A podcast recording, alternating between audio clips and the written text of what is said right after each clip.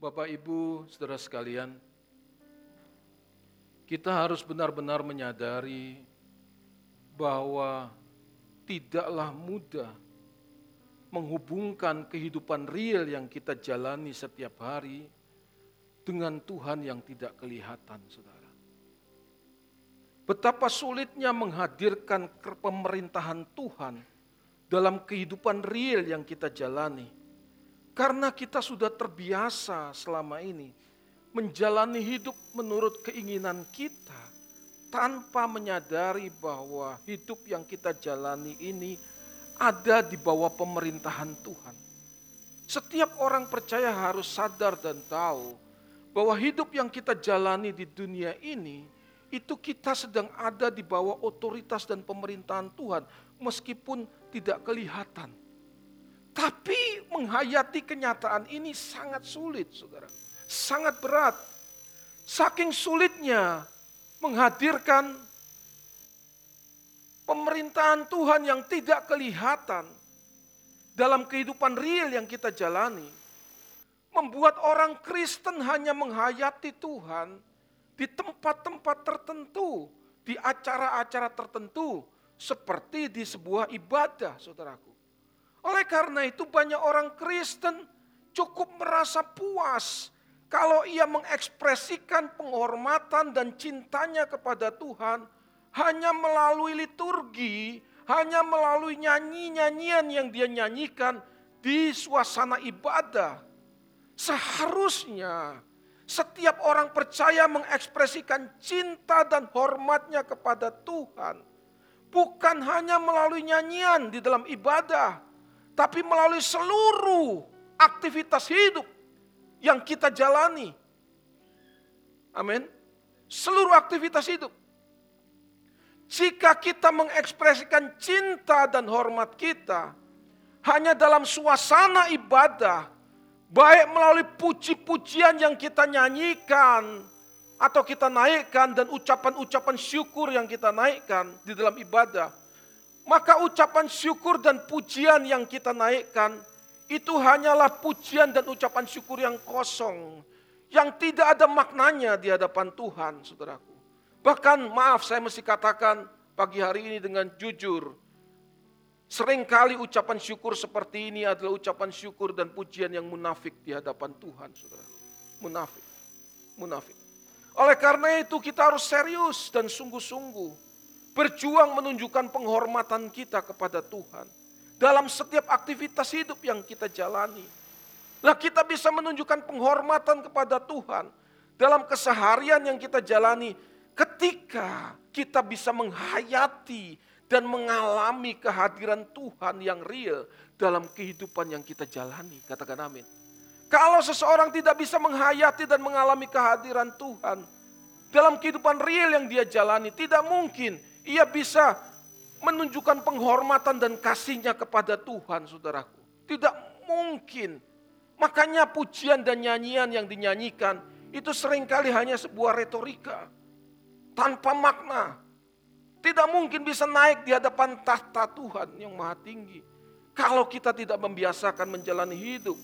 Menghormati Tuhan dalam setiap kehidupan real yang kita jalani. Tapi kalau kita menyanyikan kalau kita menghidupi kehidupan Tuhan Yesus, serius dan sungguh-sungguh, berusaha menghormati Tuhan dalam keseharian yang kita jalani meskipun jatuh bangun, akan beda ketika kita nyanyikan nyanyian pujian di hadapan Tuhan, saudara. Akan beda efeknya, akan beda suasananya, saudaraku. Akan beda, saudara.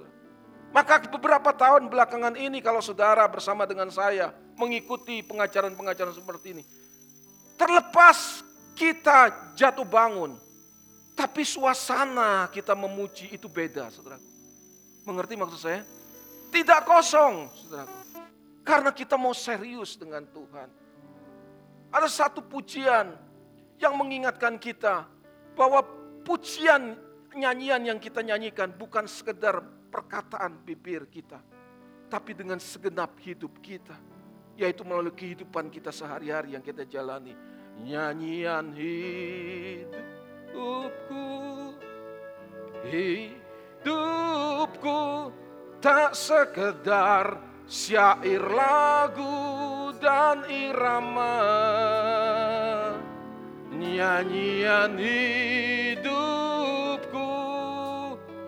hidupku melakukan kehendakmu Bapa. Nyanyian hidupku. Nyanyian di hidupku. Syair lagu dan irama. Amin. Nyanyian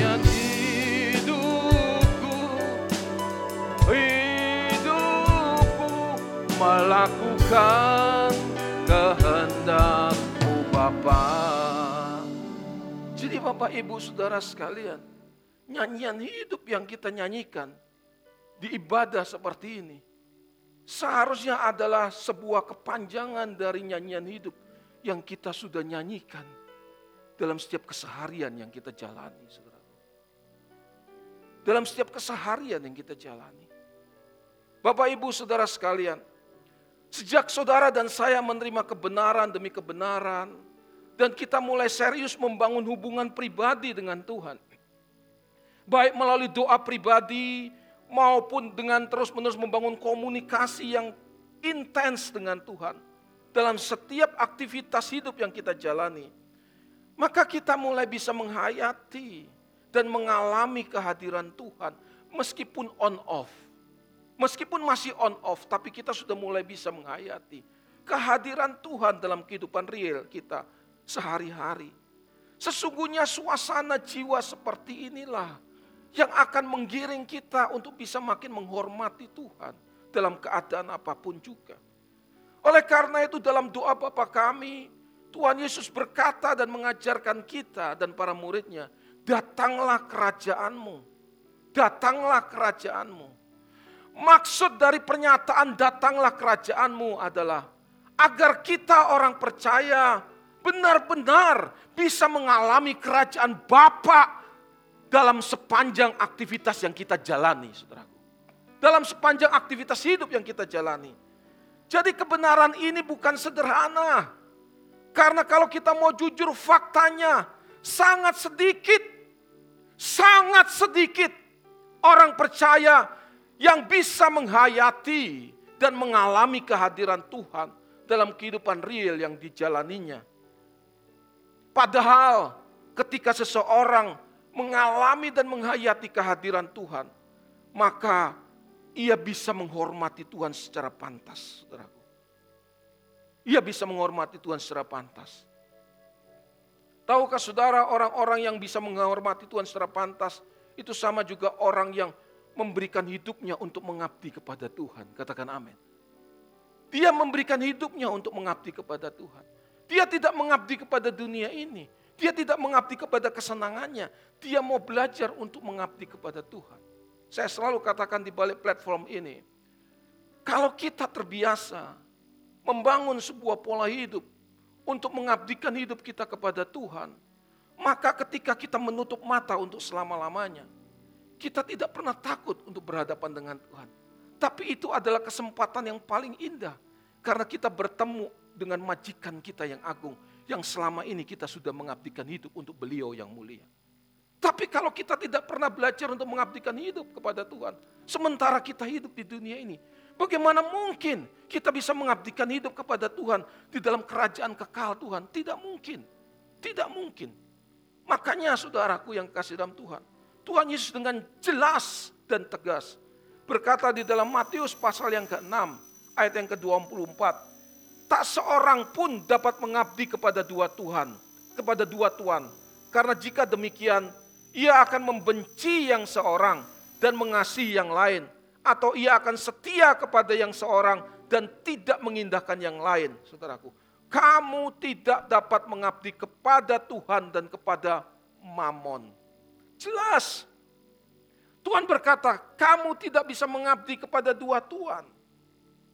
Kalau seseorang tidak bisa menunjukkan pengabdiannya secara total kepada Tuhan, maka ia pasti akan mengabdi kepada Mamon, meskipun dia tidak mengatakan dia mengabdi kepada Mamon. Karena pilihan hidupnya hanya dua. Mengabdi kepada Tuhan atau kepada mamon, saudaraku. Tidak ada pilihan yang ketiga. Tidak ada pilihan yang ketiga. Nah yang luar biasa kalau saudara perhatikan satu perikop yang dikatakan oleh Tuhan Yesus. Ada tiga hal yang Tuhan katakan. Tiga hal yang Tuhan katakan. Yang pertama, kumpulkan harta di surga.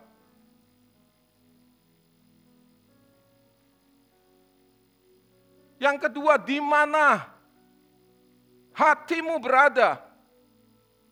Di mana hartamu berada? Di situ hatimu berada.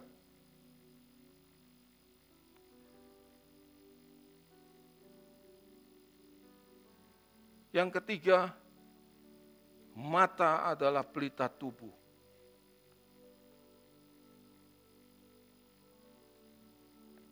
Kalau kita perhatikan di dalam Matius pasal yang ke-6, ayat ke-19 sampai yang ke-24, Tuhan bicara dan pada puncaknya Tuhan bicara, kamu nggak bisa mengabdi kepada dua Tuhan. Jadi konklusinya kamu nggak bisa mengabdi kepada dua Tuhan. Tapi Tuhan bilang satu persatu, kumpulkan harta di sorga. Mari kita lihat konteks di mana Tuhan selalu katakan kamu nggak bisa mengabdi kepada Tuhan, dua Tuhan. Perhatikan itu lebih dahulu. Kamu nggak bisa mengabdi kepada dua Tuhan. Kumpulkan harta di sorga. Nah, mari kita perhatikan saudaraku. Kalau seseorang sibuk untuk mengumpulkan harta di bumi. Maka ia tidak mungkin punya kesempatan untuk membangun hidupnya bersama dengan Tuhan Yesus dalam kehidupan kekal nanti. Mempersiapkan diri, dia nggak ada kesempatan. Makanya Tuhan katakan, kumpulkan harta di sorga. Menjalani hidup sesuai dengan kehendak Tuhan mempersiapkan hidup dengan sebaik-baiknya supaya nanti kita bisa bertemu dengan Tuhan. Itu adalah yang disebut dengan kumpulkan harta di sorga. Jadi kalau seseorang terus-menerus sibuk mengumpulkan harta di bumi, dia nggak punya kesempatan untuk mengumpulkan harta di sorga. Yang kedua, di mana hartamu berada, di situ hatimu berada. Artinya kalau kita mengarahkan harta kita, apa saja, hanya untuk kesenangan-kesenangan kita di bumi, hati kita ada di bumi, saudara hati kita akan tertambat di bumi. Tapi kalau kita mengarahkan harta kita kepada kerajaan sorga, saya tidak katakan bahwa saudara harus beri kepada gereja, tidak. Tetapi kalau saudara melihat orang susah, saudara mulai menganggap bahwa ini juga saudara-saudaraku. Sama seperti Tuhan berkata, apa pun yang kamu lakukan seperti orang yang hina ini, engkau melakukan untuk aku. Maka saudara, hati kita pasti tidak tertambat di dunia. Hati kita perlahan tapi pasti kita mulai tertambat di sorga, saudaraku. Di kerajaan sorga. Yang ketiga, mata adalah pelita tubuh. Artinya bahwa ini berbicara mengenai pengertian mata. Pengertian. Kalau pengertianmu benar, maka perjuangan dan arah hidupmu juga akan benar. Halo? Tapi kalau pengertianmu salah, maka perjuangan dan arah hidupmu juga akan salah. Maka di tempat ini diajarkan supaya mata itu benar. Pengertian-pengertian saudara benar, saudara.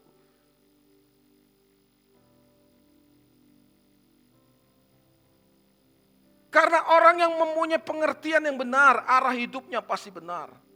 Dengar baik. Arah hidup orang yang diperbaharui oleh kebenaran cuma satu pada akhirnya. Yaitu dia berusaha dan berjuang mempersiapkan diri sebaik mungkin selama ia masih hidup. Tujuan cuma satu, supaya ia bisa menikmati kehidupan kekal bersama dengan Tuhan di keabadian. Dia tahu hidup di dunia ini fana, sementara dan berlalunya buru-buru, saudara. Dan kita tidak pernah tahu kapan itu berlalu, saudara. Tapi yang dia tahu, kalau dia membangun, mempersiapkan hidup dengan baik sementara di dunia, ia sedang mempersiapkan hidup, memasuki kehidupan kekal untuk di dunia yang akan datang memiliki masa depan yang jauh lebih baik. Bapak, Ibu, Saudara sekalian, inilah yang dimaksud oleh Tuhan. Tidak mungkin seseorang mengabdi kepada dua Tuhan.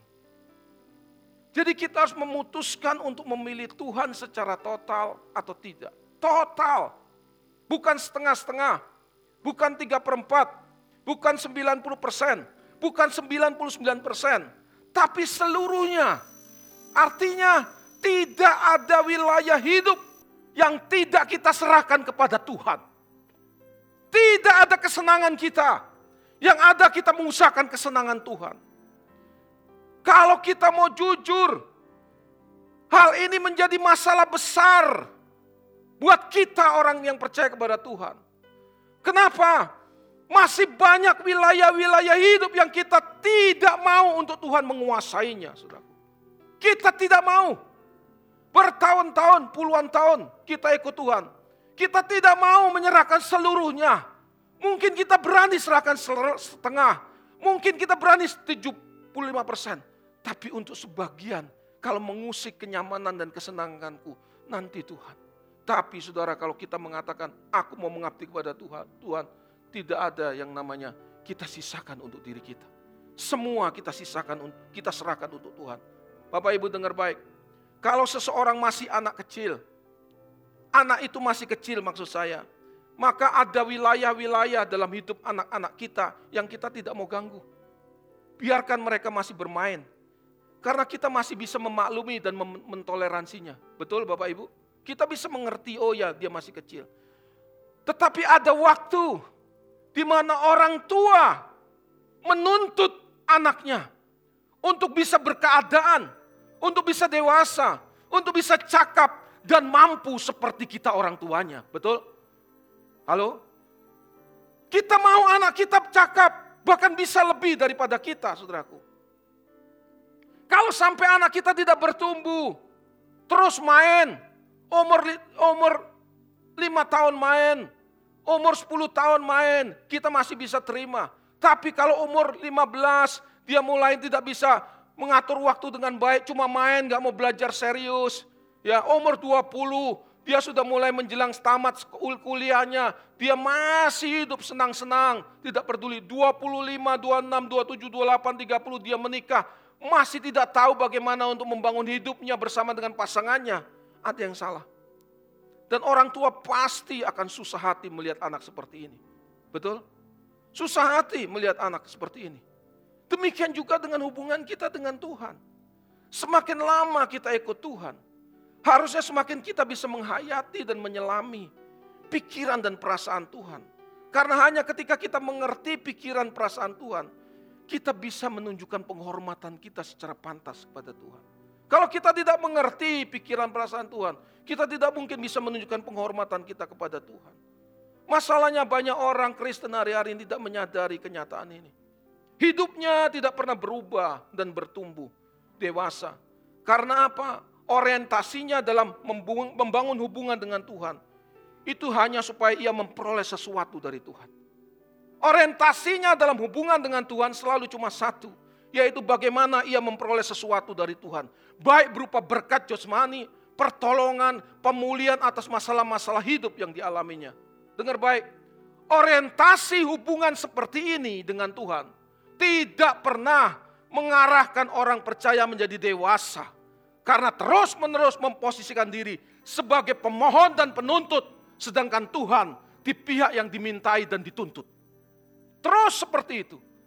Kita cenderung menganggap diri kita, kita berhak untuk memohon dan menuntut. Tapi dalam sisi Tuhan, sisi Tuhan, sisi yang lain, seolah-olah Tuhan itu punya kewajiban untuk dimintai dan dituntut. Sekali lagi saya katakan, kalau seseorang masih kanak-kanak rohani, hubungan seperti ini bisa ditoleransi.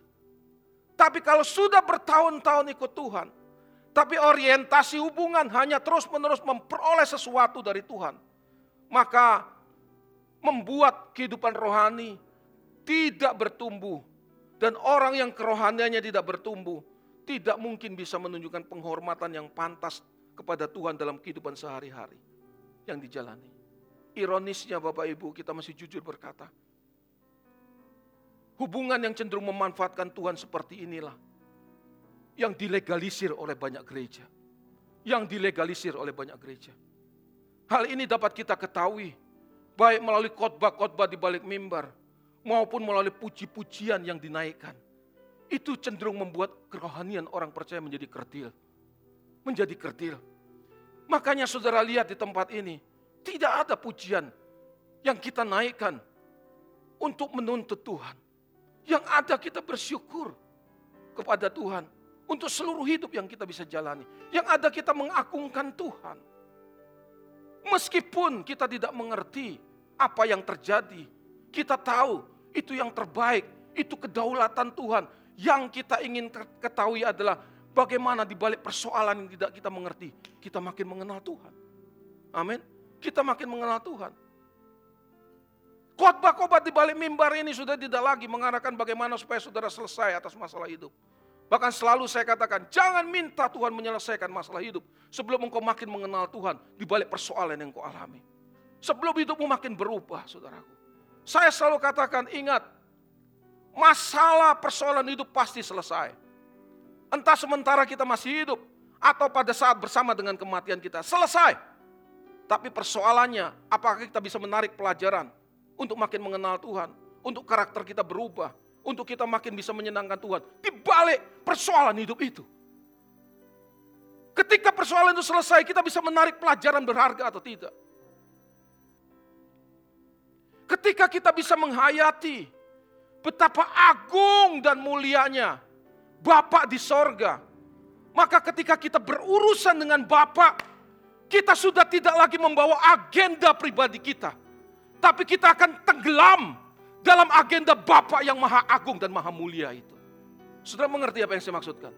Kalau saudara bertemu dengan orang besar, saudara tidak mungkin sempat mengatakan, tolongin saya. Tidak. Kita akan bilang, kalau kita orang beredukasi jelas ya. Tapi kalau orang yang tidak beredukasi, dia akan minta, minta. Begitu saudaraku. Nah sekarang kita ini bangsawan kerajaan sorga. Amin. Kita tidak akan ngomong, tolongin saya enggak. Kita akan bilang gini, apa yang saya bisa buat supaya saya bisa mengambil bagian dalam kepentinganmu. Tuhan. Itu. Kalau kita sampai pada titik itu, kita bisa mengayati keagungan dan kemuliaan Bapa. Kita akan tenggelam dengan agenda Bapa yang maha agung dan maha mulia.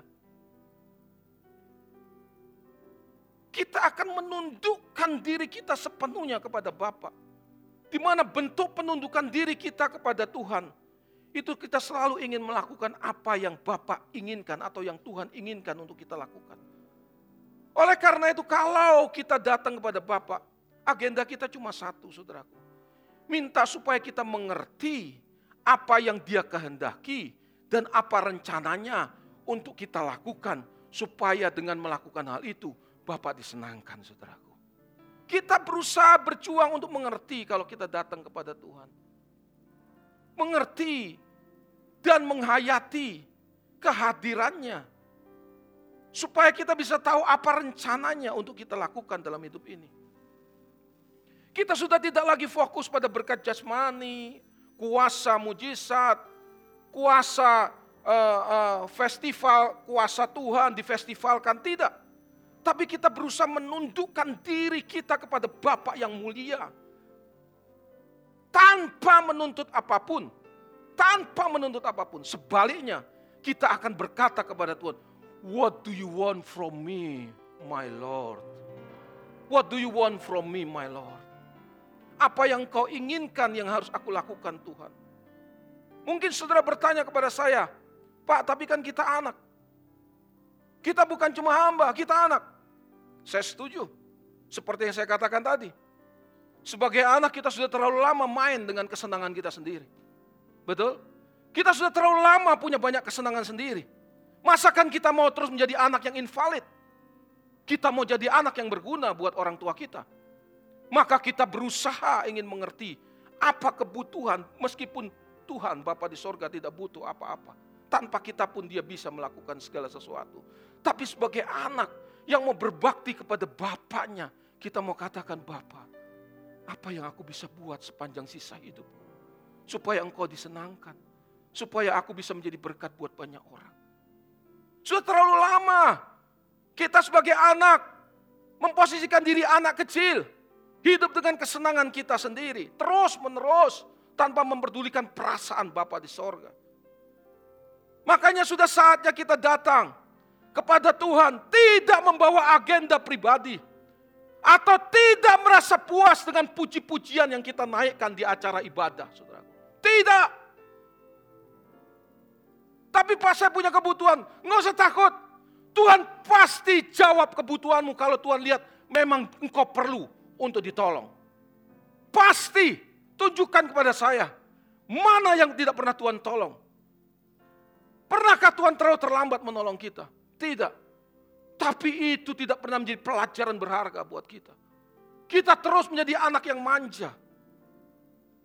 Jadi saudaraku yang kekasih dalam Tuhan, saya katakan, sudah saatnya kita datang pada Tuhan tidak membawa agenda pribadi atau merasa puas kalau kita sudah memuji-muji Tuhan di kebaktian atau ibadah. Seolah-olah dengan memuji Tuhan, maka Tuhan disenangkan melalui puji-pujian kita.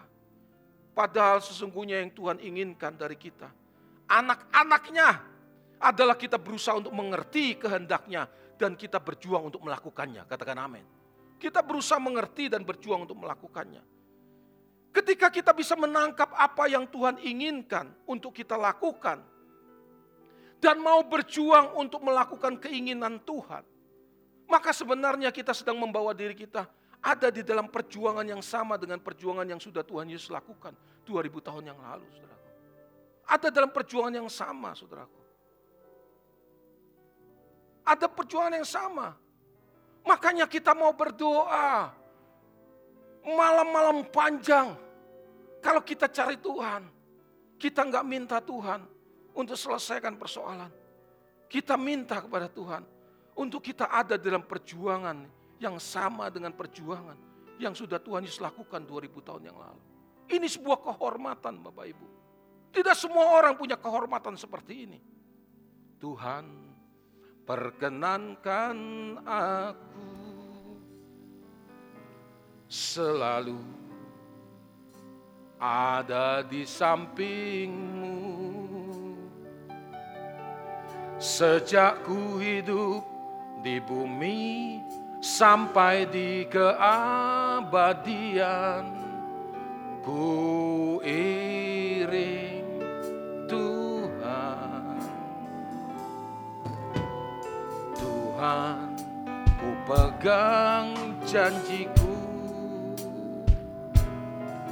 Setia sebagai sahabatmu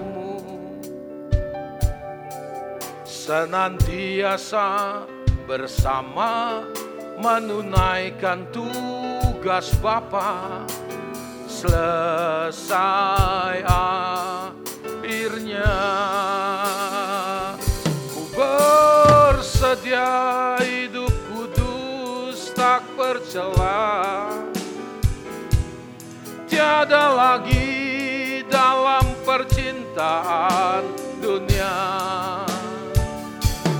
Ajarku berpikir seperti dirimu.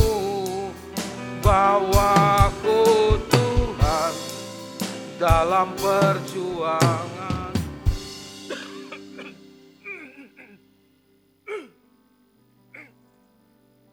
Mari perhatikan Bapak Ibu. Mengiring. Artinya aku rela seperjuangan denganmu Tuhan Aku rela seperjuangan denganmu. Orang-orang yang menjalani hidupnya seperjuangan dengan Tuhan Yesus. Dia pasti bisa menghubungkan seluruh wilayah hidupnya. Di bawah kekuasaan dan pemerintahan Tuhan yang hidup. Sehingga kekuasaan dan pemerintahan Tuhan itu menjadi nyata dalam hidupnya. Sudah tidak menjadi semu. Meskipun tidak dilihat dengan kasat mata. Tapi dia tahu ia ada dalam kehidupan yang dijalaninya di bawah pemerintahan Tuhan yang nyata, saudara. Tapi kita sekali lagi mesti katakan sangat sedikit. Bahkan sangat sedikit sekali orang yang mengalami hal ini. Tapi kalau saya mengajarkan di balik mimbar ini, kita orang-orang yang mau mengambil bagian dari orang-orang yang sangat sedikit ini, katakan amin. Kita mau serius dengan Tuhan. Saya ulangi sekali lagi. Kalau kita perhatikan puji-pujian yang kita naikkan di gereja saat-saat ini. Seringkali suasananya menuntut. Meminta dan jadi pemohon. Kalau naik pangkat sedikit, naik tingkat sedikit. Akan disebut sebagai diberi gelar sebagai orang yang memuji, pemuji dan penyembah. Saudara lihat, anak kecil menyembah Tuhan dengan ekspresi luar biasa. Itu baik. Saya tidak katakan tidak baik. Tapi belum teruji dia sebagai pemuji dan penyembah dalam kehidupan sehari-hari. Dia harus diajar dan dididik untuk menyembah Tuhan dan memuji Tuhan dengan cara menunjukkan penghormatan kepada Tuhan dalam kehidupan sehari-hari. Masalahnya sekarang, wah ini anak hebat. Dia memuji, menyembah Tuhan. Enggak. Enggak. Maka saya heran, kalau anak kecil masih SD, SMP, kemudian dia naik di mimbar, dia ngomong firman, kita tepuk tangan, kita senang. Apa yang dia bisa bagikan? Belum ada perjalanan hidup berjalan bersama Tuhan, saudara. Itu betapa bodohnya orang-orang Kristen seperti itu, saudara.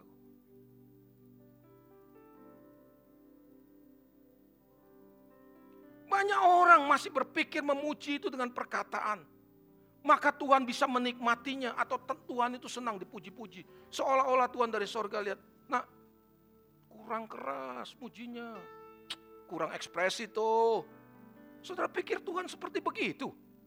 Enggak saudara. Tuhan itu agung. Tuhan itu mulia. Tidak bisa hanya melihat puji-pujian seperti itu kemudian dia senang. Tidak. Yang dia senang adalah waktu dia lihat hidup kita berubah dan berbuah. Dan kita menunjukkan penghormatan kepada dia dalam setiap aktivitas hidup yang kita jalani saudara. Jadi pujian kita kepada Tuhan harus ditunjukkan dalam perbuatan nyata.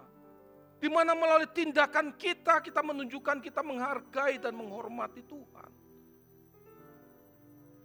Kalau hari-hari ini kita dengar kata penyembah, sering kali istilah itu Bapak Ibu, hanya dikaitkan dengan orang-orang tertentu yang suka menyembah Tuhan di ruangan doa atau di menara doa.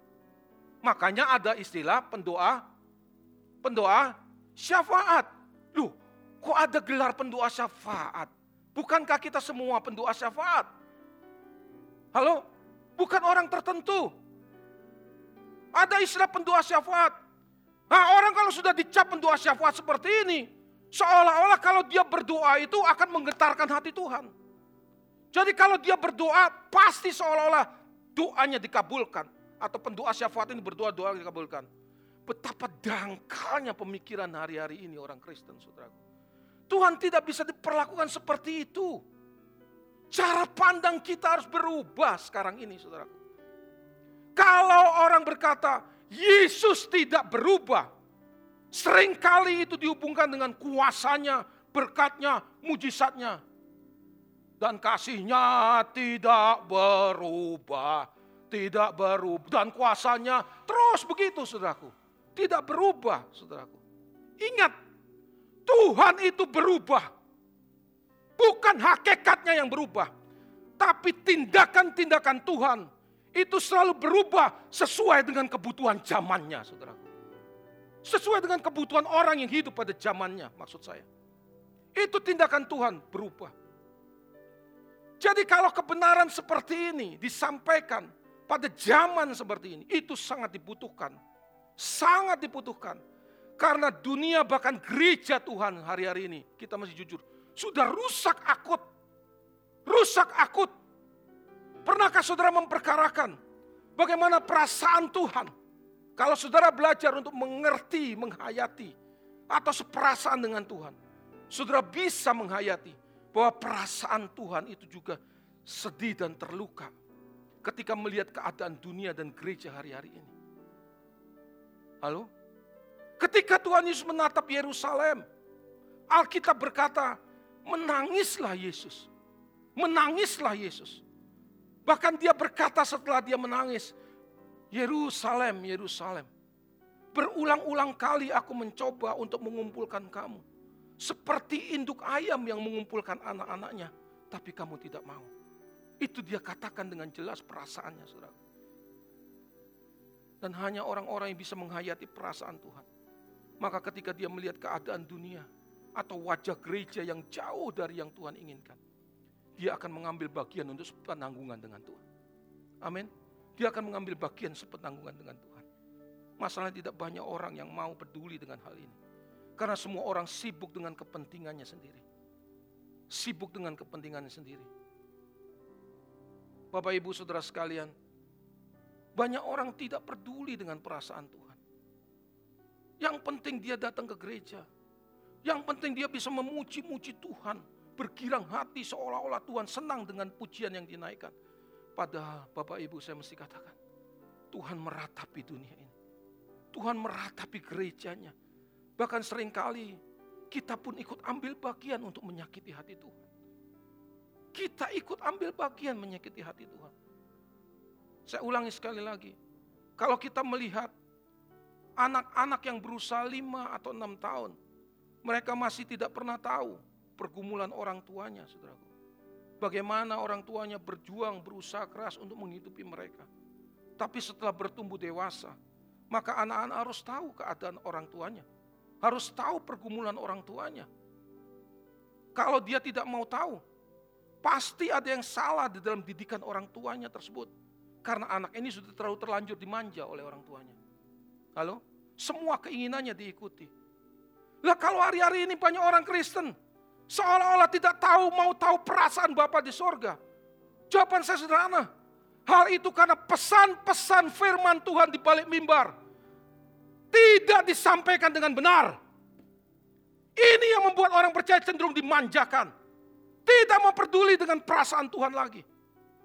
Jadi kalau beberapa tahun ini saudara diajarkan kebenaran, yang seolah-olah bertolak belakang dengan yang disampaikan oleh kebanyakan gereja, tujuannya cuma satu Bapak Ibu. Kita mau serius menjaga perasaan Tuhan dan mengambil bagian di dalam agenda Tuhan. Katakan amin. Kita mau serius. Kita mau serius. Menjaga perasaan Tuhan dan mengambil bagian dalam agenda Tuhan. Orang Kristen yang membangun hubungan dengan Tuhan hanya untuk kepentingannya sendiri, tanpa memperdulikan kepentingan Tuhan, sebenarnya ia sedang memanipulasi dan memanfaatkan Tuhan untuk kesenangan sendiri. Sikap ini mohon maaf saya katakan ini sikap yang oportunis.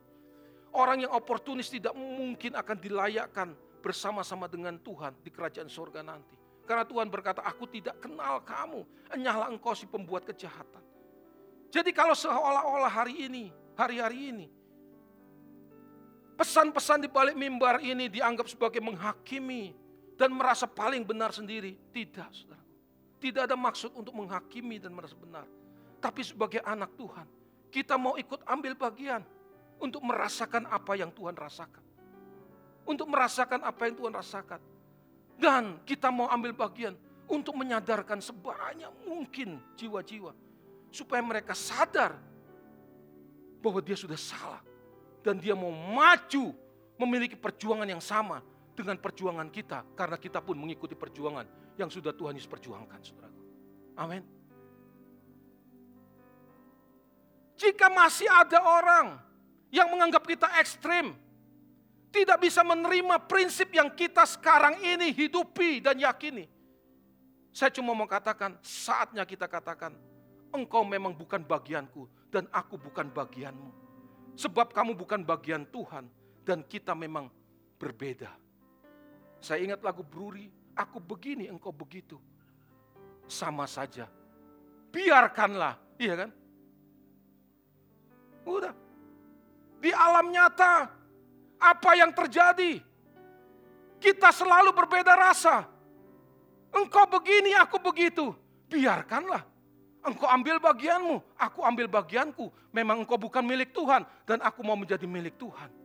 Udah itu saja. Kita sudah nggak akan berdebat. Nggak mungkin saya mau berdebat di mimbar, saudaraku. Nggak mungkin saya mau berdebat di, maksud saya di medsos atau di mana, nggak mungkin. Kita berbeda rasa. Kalau engkau mau ikuti, ini yang benar, yang kita yakini. Dan engkau tidak pernah menyesal untuk menghidupi apa yang sekarang kita yakini. Kesempatan besar kita boleh bersama dengan Tuhan hidup di dunia ini. Makanya kita bisa menghayati lagu kalau ada kata-kata perkenankan aku Tuhan untuk ada di sampingmu. Karena hanya waktu kita ada di samping Tuhan, kita bisa mengerti pikiran perasaan Tuhan. Sehingga ketika kita mengerti pikiran perasaan Tuhan, kita akan mengambil bagian apa yang Tuhan inginkan untuk kita ambil bagian dan kita bisa menyelesaikannya Bapak Ibu Saudara sekalian, saya harus berkata, kalau dulu saya punya masa lalu yang sangat buruk. Baik itu di mata Tuhan maupun di mata manusia. Tapi saya nggak mau terus buruk, saudara.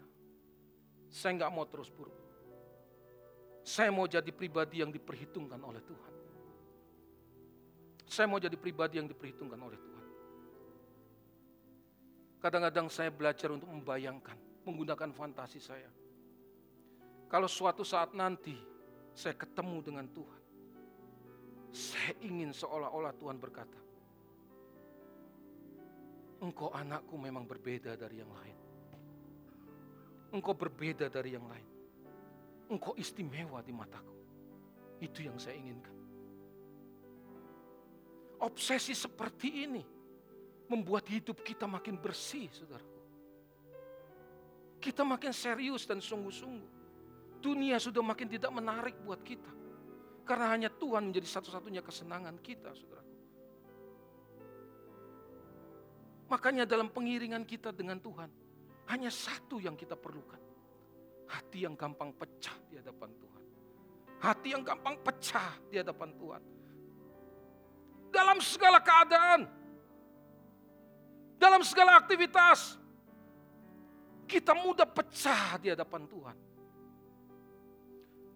Beberapa waktu lalu ketika saya sedang mengendarakan mobil, saya melihat di belakang langit biru di atas. Saya cuma berkata, Tuhan, aku tahu engkau di sana. Aku mau bersama dengan engkau. Aku siap, aku siap. Aku siap. Maka saudara, hari lepas hari, kalau saya bisa menyentuh pasangan, kalau saya bisa menyentuh anak-anak, selalu saya katakan dalam hati, mungkin ini hari terakhirku untuk bisa menyentuh mereka. Maka aku akan sentuh mereka dengan penuh kasih sayang. Karena aku tidak punya kesempatan lagi suatu hari nanti untuk bisa menyentuh mereka. Aku nggak punya kesempatan.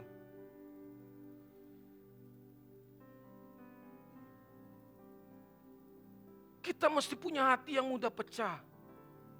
Meskipun ketika kita masih mudah pecah pun, kita masih jatuh bangun, saudaraku.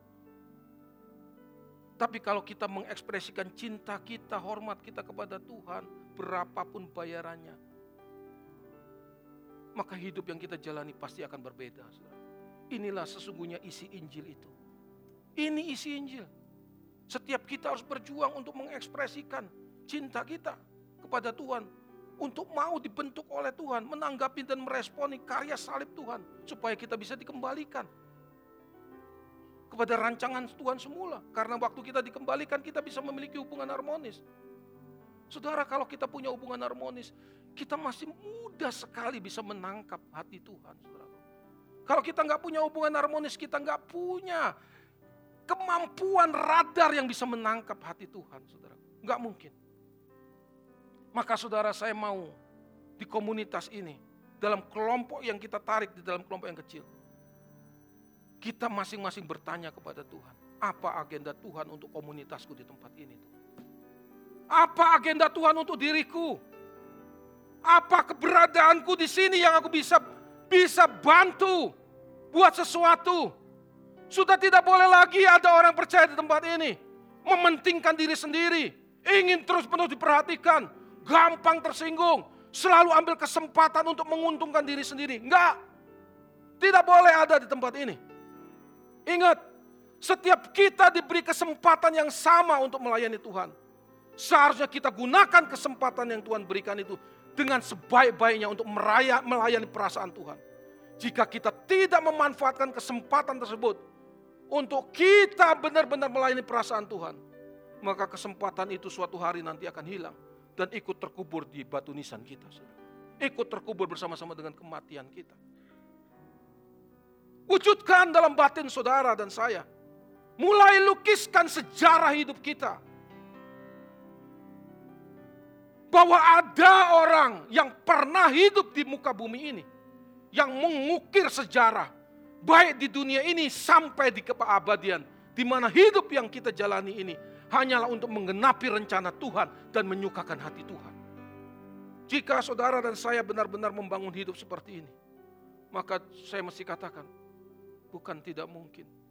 Bapak di sorga akan menyimpan kisah hidup kita sampai di keabadian. Menyimpan kisah hidup kita sampai di keabadian. Bapak Ibu harus tahu, kalau para history maker, pendahulu-pendahulu kita, mengukirkan sejarah, sampai nama mereka harus ditulis, diabadikan, menjadi nama-nama jalan. Halo? Nama-nama jalan. Seharusnya hidup yang kita jalani pun bisa mengukir sejarah. Bukan cuma hidup di dunia ini, tapi di dunia yang akan datang. Bukan tidak mungkin nama kita juga akan terukir di jalan-jalan kerajaan sorga nanti. Kalau kita serius dengan Tuhan. Bukan tidak mungkin. Bukan tidak mungkin. Mungkin hari-hari ini saudara tidak diperhitungkan oleh orang lain. Entah karena saudara miskin, tidak berpendidikan, atau tidak memiliki kedudukan yang tinggi. Bahkan saudara akan cenderung direndahkan oleh orang-orang yang saudara ingin harapkan. Untuk saudara diperdulikan. Baik itu orang tua, anak, pasangan hidup, atau keluarga besar saudara.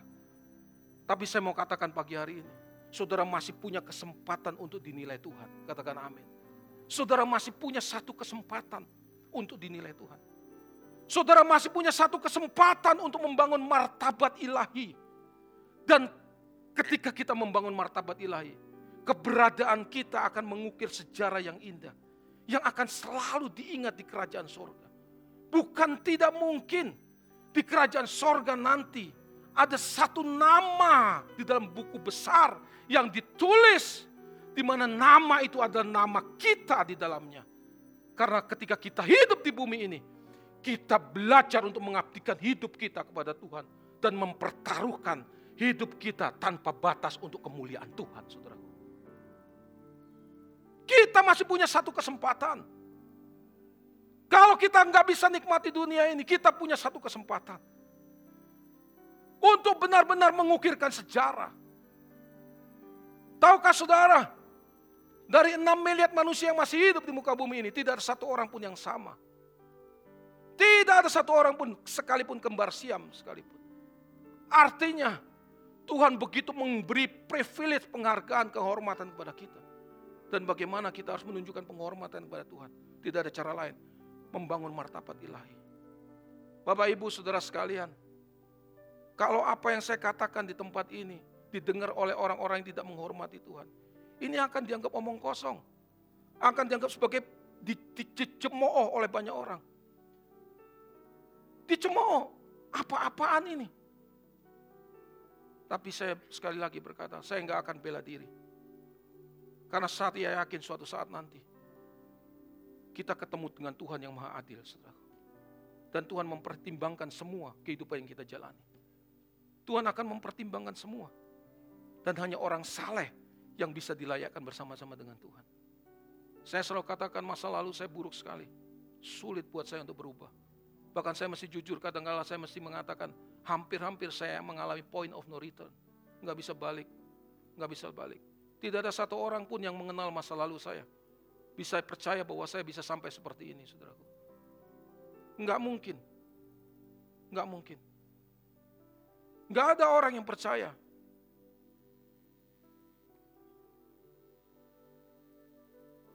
Tapi waktu saya diperbaharui oleh kebenaran Tuhan.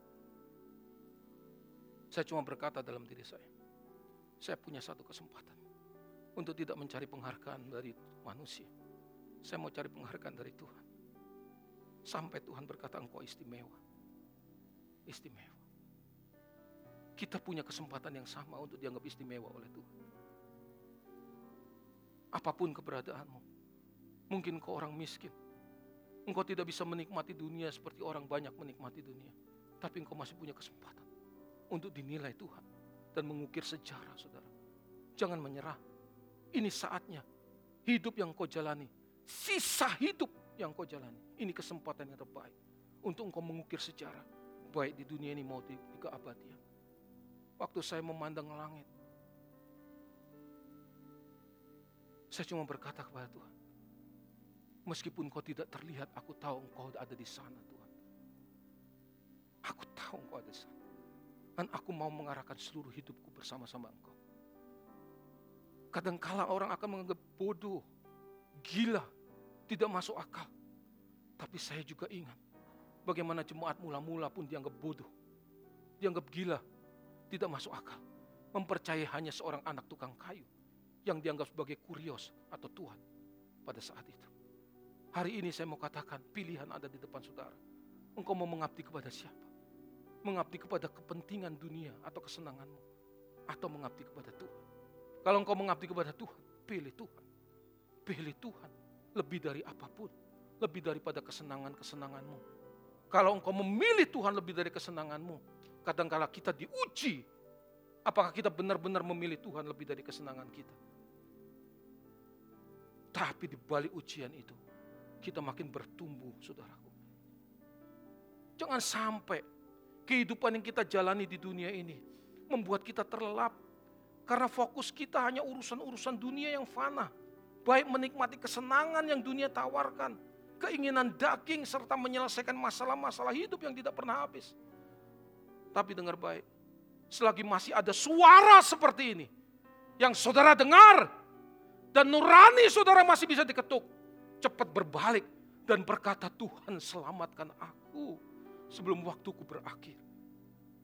Dalam doa-doa pribadi saya, sering saya berkata kepada Tuhan, Tuhan, tolong beri kekuatan kepadaku untuk menghidupi apa yang saya ajarkan. Murnikan motivasiku Tuhan.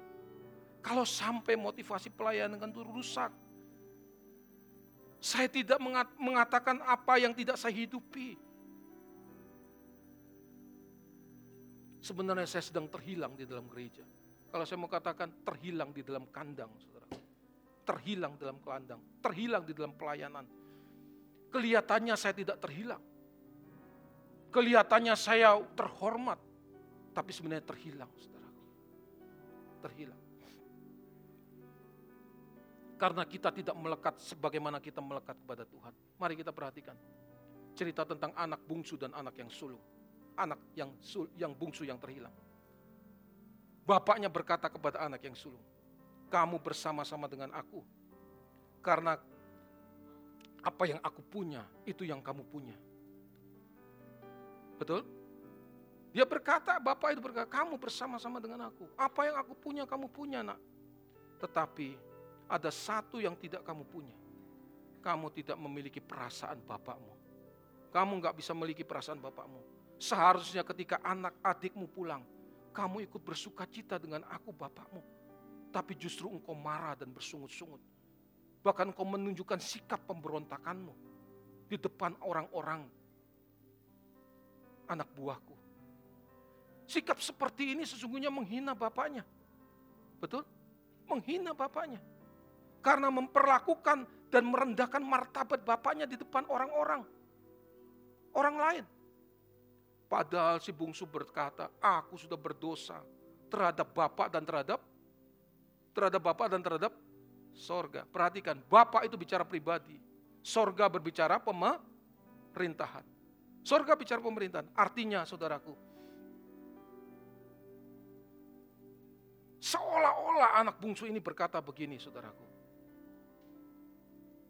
Ah, karena aku tidak tunduk kepada pribadi Bapak dan aku meninggalkan pemerintahan Bapak, maka aku menderita. Saudara.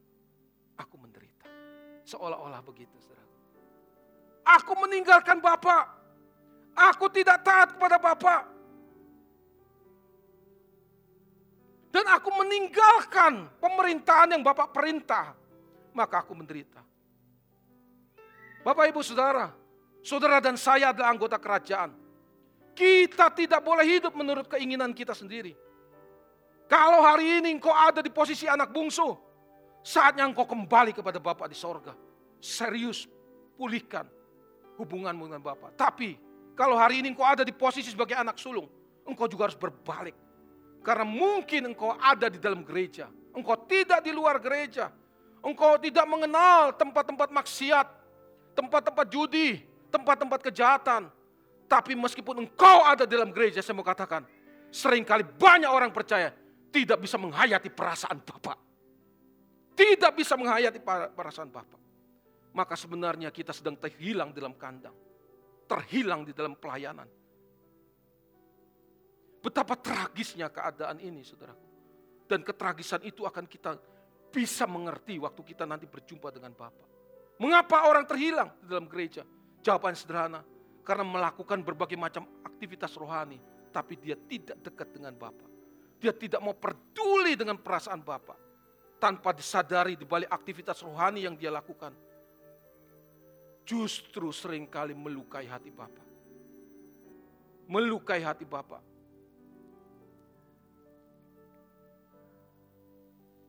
Ini yang kita mau renungkan bersama.